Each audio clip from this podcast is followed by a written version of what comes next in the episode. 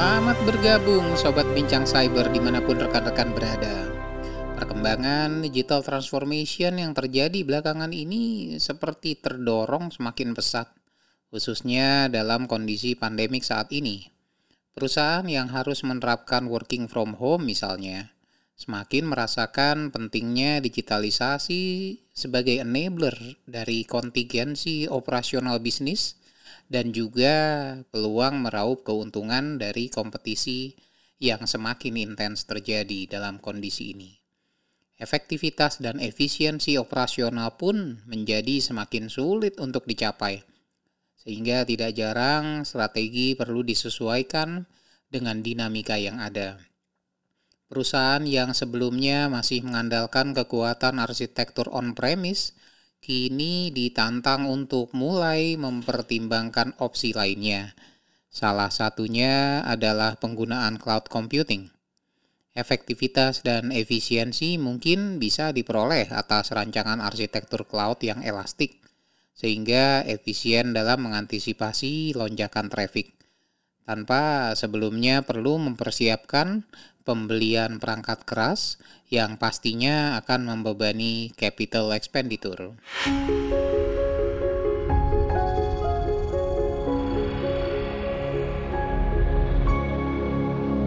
Peningkatan traffic internet yang dialami suatu situs mungkin belum bisa diartikan positif. Kebanyakan kasus yang marak terjadi belakangan ini adalah peningkatan traffic yang tiba-tiba disebabkan atas serangan dari berbagai sumber yang juga terjadi secara bersamaan. Serangan yang tiba-tiba ini diartikan sebagai serangan yang terkoordinasi. Ratusan hingga ribuan sumber IP address mengirimkan traffic dalam jumlah besar sehingga menimbulkan eh, target IP address kehilangan banyak internet bandwidth sehingga tidak mampu lagi untuk memberikan respon atas traffic yang legitimate tadi. Serangan ini diberikan nama Distributed Denial of Service Attack atau disingkat dengan istilah DDoS. Pada episode ke-30 ini, kita akan coba sedikit mengulas tentang definisi dan e, informasi lainnya seputar DDoS. Dan khususnya dalam situasi pandemik COVID-19 seperti sekarang ini, semakin intens ditemukan serangan DDoS ini terjadi di beberapa uh, lokasi. Tidak ada sistem yang uh, diretas atau data yang dicuri dalam model serangan DDoS ini. Tujuan utama dari model serangan ini adalah untuk memberikan dampak gangguan atau singkatnya availabilitas sehingga fungsi layanan online atau website dari penyedia jasa layanan terkendala untuk beroperasi. Serangan ini dilancarkan secara intens dan dalam durasi waktu yang cukup lama sehingga terkesan website offline. Tentunya ini akan terjadi bila mana penyerang berhasil memberikan traffic sebesar sama dengan bandwidth maksimal yang dimiliki oleh penyedia jasa layanan dan tidak ada lagi bandwidth yang cukup untuk tersedia untuk pelanggan lainnya. Ini bukan merupakan satu-satunya cara penyerang dalam kaitan dengan DDoS attack, namun belakangan ini inilah yang merupakan hal yang cukup sering uh, terjadi.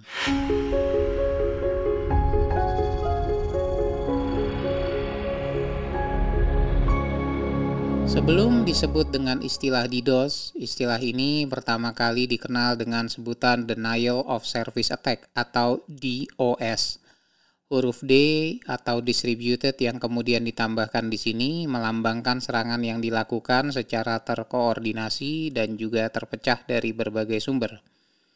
Berawal pada tahun 1974, David Dennis, seorang anak yang berusia 13 tahun, tinggal di dekat sebuah laboratorium yang bernama Computer Based Educational Research Laboratory atau disingkat CERL yang di mana laboratorium tersebut memiliki sebuah unit komputer yang diberi nama Plato. Komputer ini memiliki kemampuan untuk terhubung dengan perangkat eksternal device dan terdapat pula instruksi program untuk e, menjalankan agar si komputer ini bisa berinteraksi. Dan uh, Dennis dalam hal ini menemukan sebuah cacat atau kelemahan dari program yang memungkinkan Plato untuk terkoneksi, di mana uh, kelemahan atau cacat yang terdapat di Plato tersebut memiliki uh, permasalahan bila mana terjadi inisiasi untuk terhubung uh, dengan perangkat lain, namun ternyata perangkat tersebut belum terkoneksi secara fisik. Hal ini bisa menyebabkan plato kemudian crash dan perlu di restart kembali. Dan menyadari akan hal ini, Dennis kemudian mengembangkan program yang memanfaatkan celah kelemahan ini sehingga berhasil menjadikan sistem plato di power off dan merepotkan 31 user yang saat itu sedang terhubung. Dalam kasus ini, serangan yang dilakukan oleh Dennis adalah menyerang availabilitas dari Plato. Meski tidak merusak data-data yang tersimpan, inilah inti yang menjadi satu uh, fondasi dari serangan DDoS eh, serangan DOS atau denial of service attack. Tidak hanya berhenti pada kasus David Dennis ini. Pada Agustus 1999 terjadi serangan DOS pada University of Minnesota. Serangan yang dilakukan oleh hacker ini mempergunakan tools yang disebut Trino yang menyebabkan uh, adanya gangguan uh, pada perangkat jaringan berupa flood uh, dari uh, yang membanjiri target IP dengan paket UDP yang bersumber dari berbagai perangkat yang dikelompokkan dengan istilah master dan daemon. Hal ini merupakan awal dari penambahan kata distributed pada DOS sehingga kemudian hingga kini lebih sering dikenal dengan sebutan DDoS.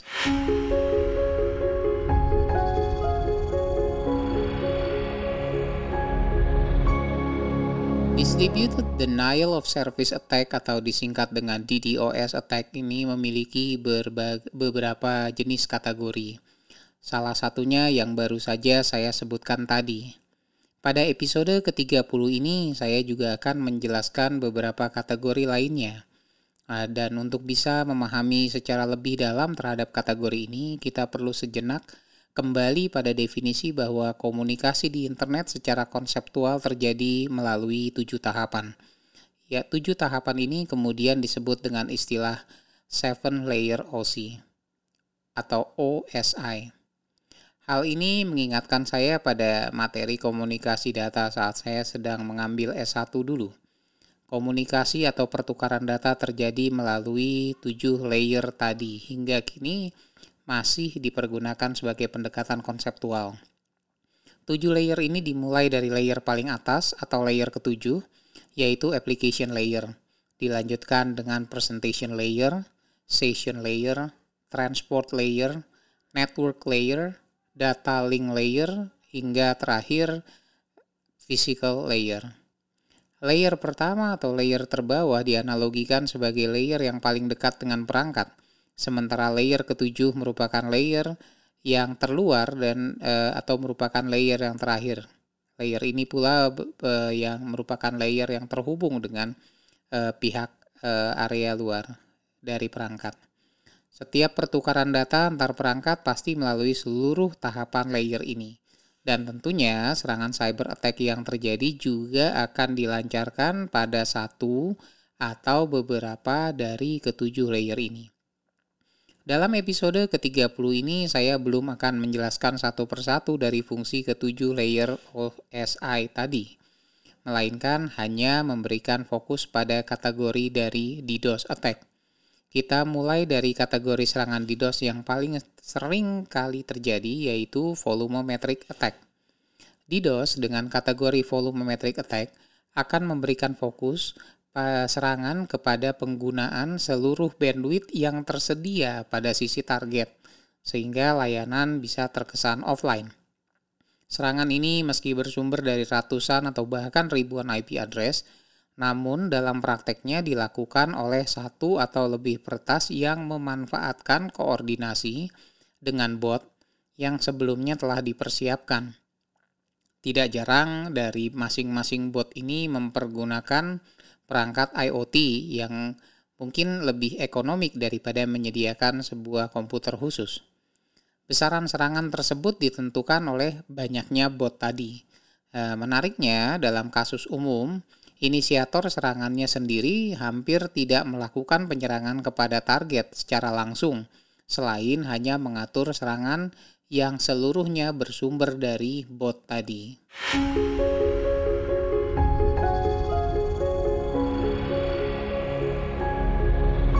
Selain DDoS volumetric attack, terdapat kategori serangan lainnya yang akan kita bahas di sini.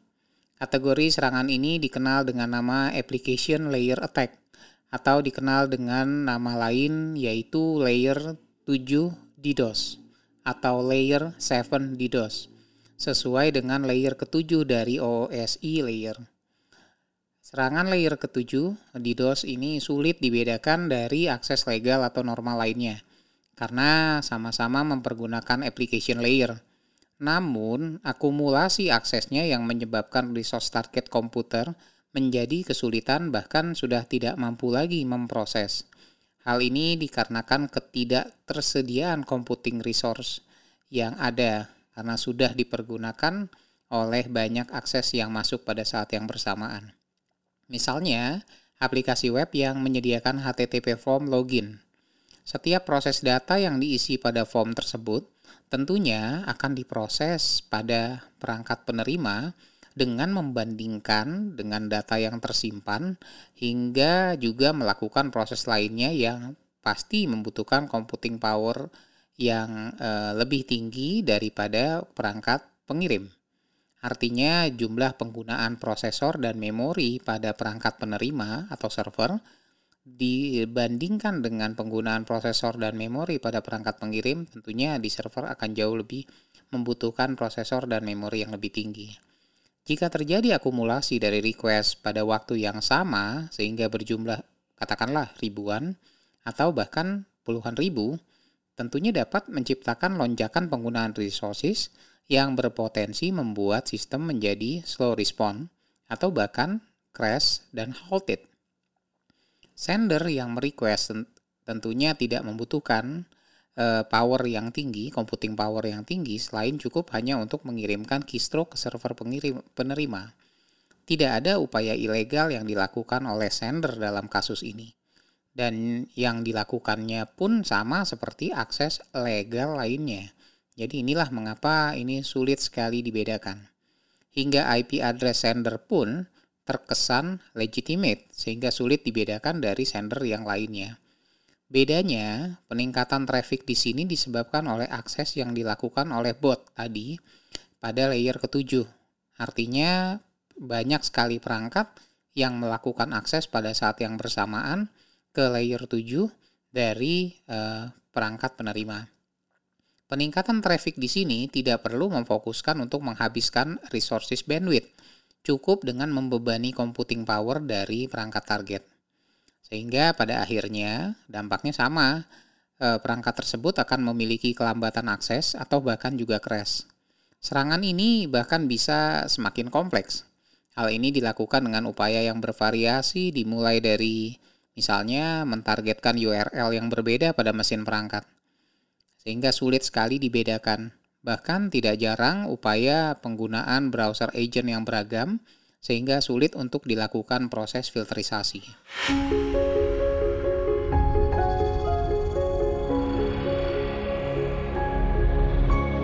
Setelah membahas volume metrik dan layer 7 DDoS, kini tentang serangan DDoS yang memberikan target layer eh, 3 dan layer 4 dari OSI layer.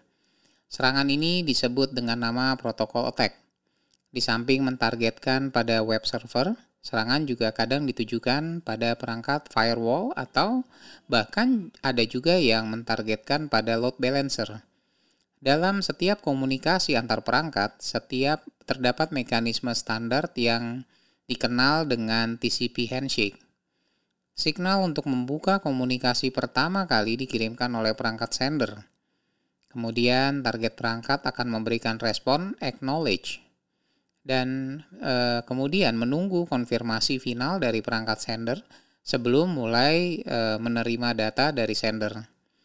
Nah, segera setelah perangkat target mengirimkan konfirmasi tadi, Bukannya menutup komunikasi, malahan sender mengirimkan kembali signal awal komunikasi, seolah-olah proses ini kembali ke awal. Uh, dan mungkin ini tampak seperti request baru pada perangkat penerima. Dan untuk setiap permintaan komunikasi yang hendak dilakukan, perangkat penerima akan membuka jalur antrian baru pada uh, setiap request yang dilakukan. Nah, akumulasi request ini pada akhirnya akan menyebabkan perangkat tujuan mengalami kepenuhan jalur antrian sehingga pada akhirnya tidak mampu lagi untuk melayani request baru dan tentunya akan menghabiskan computing resources pada perangkat penerima.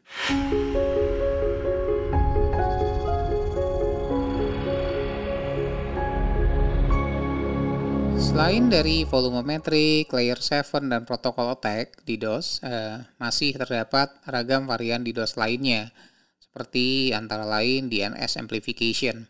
Tapi ketiga, ketiga kategori attack yang saya berikan di sini ya cukup mungkin cukup mewakili mayoritas serangan DDoS yang terjadi hingga tahun 2020 ini. Secara umum, serangan DDoS hanya berdampak pada availability dari layanan online namun, besaran dari serangannya semakin hari semakin meningkat. Jika sebuah perusahaan menempatkan seluruh layanan online-nya pada on-premise, tentunya DDoS akan terbatas pada besaran bandwidth yang dipergunakan jika serangannya berupa volumetric. Dan dalam kasus ini, tentunya biaya koneksi internet besarannya pun akan cenderung tetap untuk setiap tahunnya. Namun, tentunya kondisi ini akan berbeda jika pelanggan mempergunakan layanan cloud, yang mana besaran tagihan akan sangat dinamis dari waktu ke waktu. Pastinya peningkatan traffic akses ini juga berpotensi mempengaruhi besaran biaya operasional layanan cloud. Hal ini juga berpotensi, eh, maksud saya berpotensi yang saya sebutkan di sini adalah untuk perlu persiapan arsitektural yang khusus yang mana memperhatikan kemungkinan atas serangan DDoS sehingga mampu untuk menekan dampak availabilitas dan juga pengaruhnya terhadap peningkatan tagihan pada periode berjalan. Inilah mengapa dalam satu hingga dua tahun berjalan ini, praktisi cybersecurity dan CISO semakin memberikan perhatian terhadap penanganan DDoS, khususnya dikarenakan peningkatan penggunaan infrastruktur cloud dibandingkan dengan uh, on-premise. Jadi terjadi peningkatan uh, penggunaan uh, lebih kepada cloud. Dan karena kini dampaknya selain kepada availabilitas layanan, bisa berpotensi mengakibatkan kerugian finansial akibat peningkatan biaya operasional jika hal ini tidak diantisipasi sebelumnya.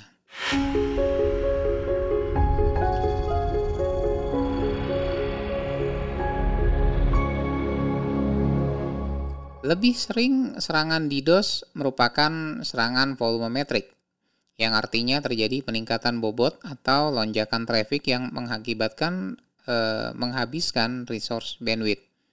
Namun sebenarnya serangan volumetric ini pada prakteknya terdapat dua kategori dampak.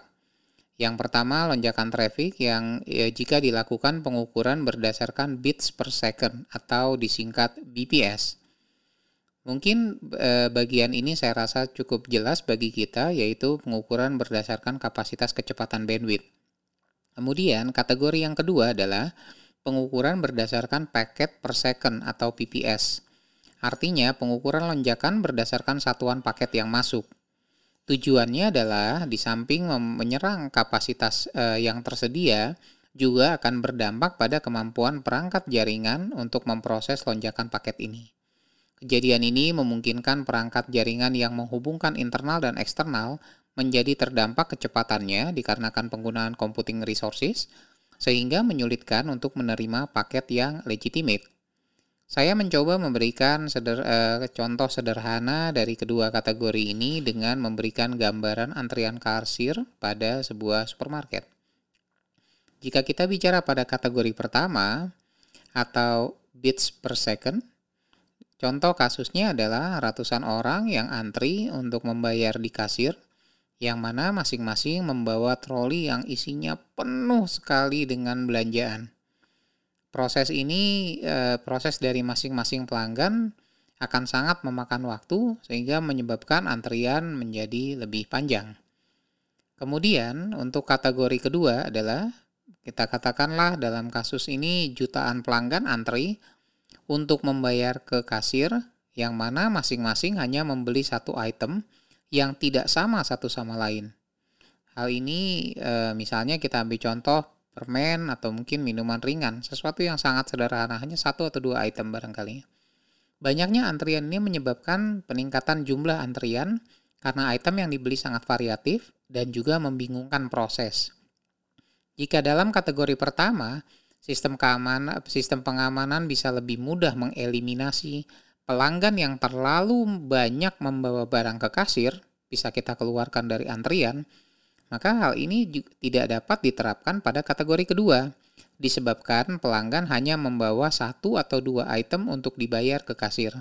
Intinya, pada, jika pada kategori pertama akan menekankan kepada penggunaan bandwidth maksimal, sedangkan pada kategori kedua, serangan akan mentargetkan pada penggunaan computing resources pada perangkat jaringan sehingga terjadi delay proses yang tinggi atau bahkan berpotensi untuk crash.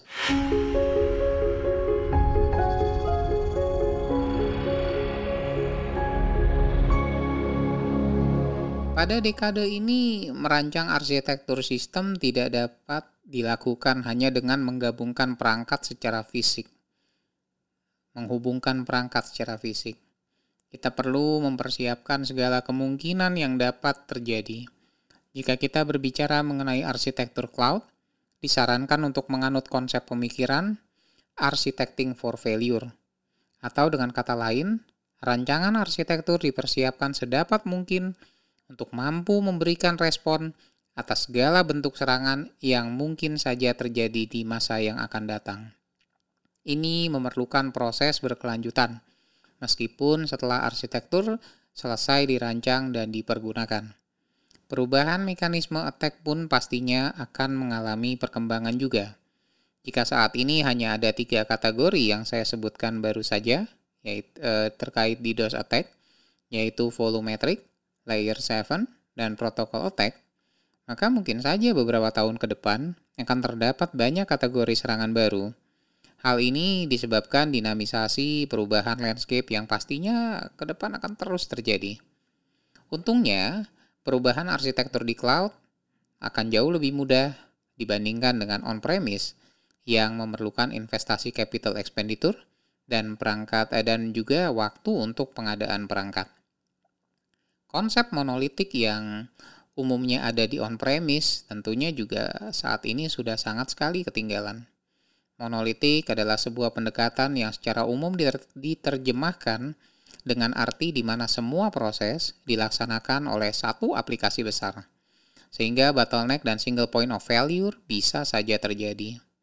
Hal ini tentunya semakin memperbesar keberhasilan serangan DDoS. Dalam arsitektur cloud, memiliki pendekatan yang berbeda. Konsep arsitektur cloud memberikan penekanan kepada service, bukan server. Ini artinya sebuah arsitektur yang lebih mengangkat pada kolaborasi dari beberapa service atau ada juga yang disebut dengan istilah microservices. Kolaborasi ini disebut dengan istilah lain dengan sebutan loose coupling yang secara khusus dimaksudkan agar kegagalan pada satu service tidak secara langsung menyebabkan kegagalan pada service lainnya. Arsitektur cloud yang terdiri dari beragam microservices saling berinteraksi secara harmonis. Jika terjadi kegagalan pada satu microservice, maka microservice lainnya pada proses yang berbeda tidak perlu kemudian untuk di-refresh. Cukup microservice yang bermasalah saja. Hal inilah yang membuat availability time dari arsitektur cloud bisa lebih tinggi dicapai tanpa mengorbankan biaya yang tinggi dalam menjaga availability tersebut.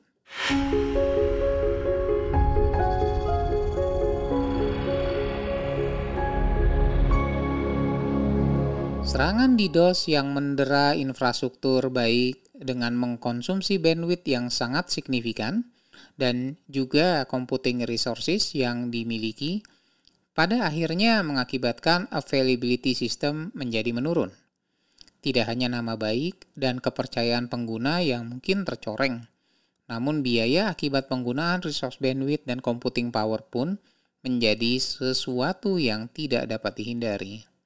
Namun untungnya perkembangan teknologi cybersecurity dewasa ini menunjukkan kemampuan yang handal dari penyedia jasa layanan cloud dan juga content delivery network untuk mampu menekan potensi dari serangan DDoS. Hal ini disebabkan kemampuan prediktif analisis yang didukung juga oleh machine learning telah mampu memanfaatkan data traffic yang ada sehingga bisa lebih baik membedakan antara traffic yang legit dan yang malicious. Ini merupakan salah satu keunggulan penerapan arsitektur cybersecurity di cloud, yang mana analisa traffic bisa dapat lebih akurat karena data yang diperoleh sangat banyak dan berasal dari berbagai macam sumber. Tentunya, dengan dukungan kapasitas pipa bandwidth yang besar, bisa dipastikan serangan DDoS tidak menyebabkan layanan perusahaan terkena dampak yang berarti. Nah, biaya sebagai akibat atas serangan DDoS diperkirakan mencapai 500 miliar dolar. Meski para ahli mengklaim bahwa sekitar 50 juta serangan DDoS masih belum terdeteksi setiap tahunnya.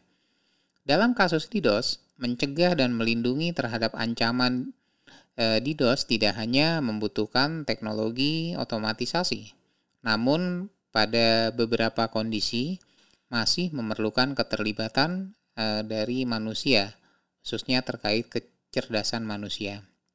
Untuk itulah, tetap diperlukan untuk memahami dasar-dasar bagaimana serangan DDoS tersebut terjadi. Bentuk perlindungan terbaik datang dalam bentuk pengamanan cloud eh, computing yang berlapis-lapis sehingga eh, dan juga dipantau oleh eh, tim profesional yang berpengalaman yang biasanya tergabung dalam tim SOC.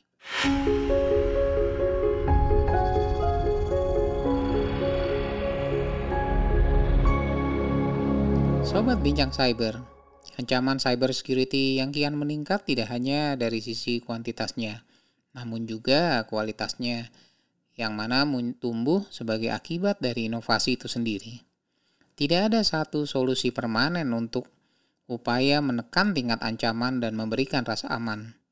Berbicara mengenai aman, saya ingin mengutip apa yang diucapkan oleh rekan saya, Beliau mengucapkan bahwa perasaan nyaman dari pengguna akan muncul bila mana ditemukan perasaan aman. Semoga pandemik ini segera berlalu dari bumi Indonesia dan kita semua dimudahkan untuk memasuki era baru yang lebih baik dan juga lebih produktif. Tetap semangat untuk sobat mendengar Bincang Cyber. Saya Faisal Yahya, host Bincang Cyber, undur diri dan sampai berjumpa pada episode Bincang Cyber selanjutnya.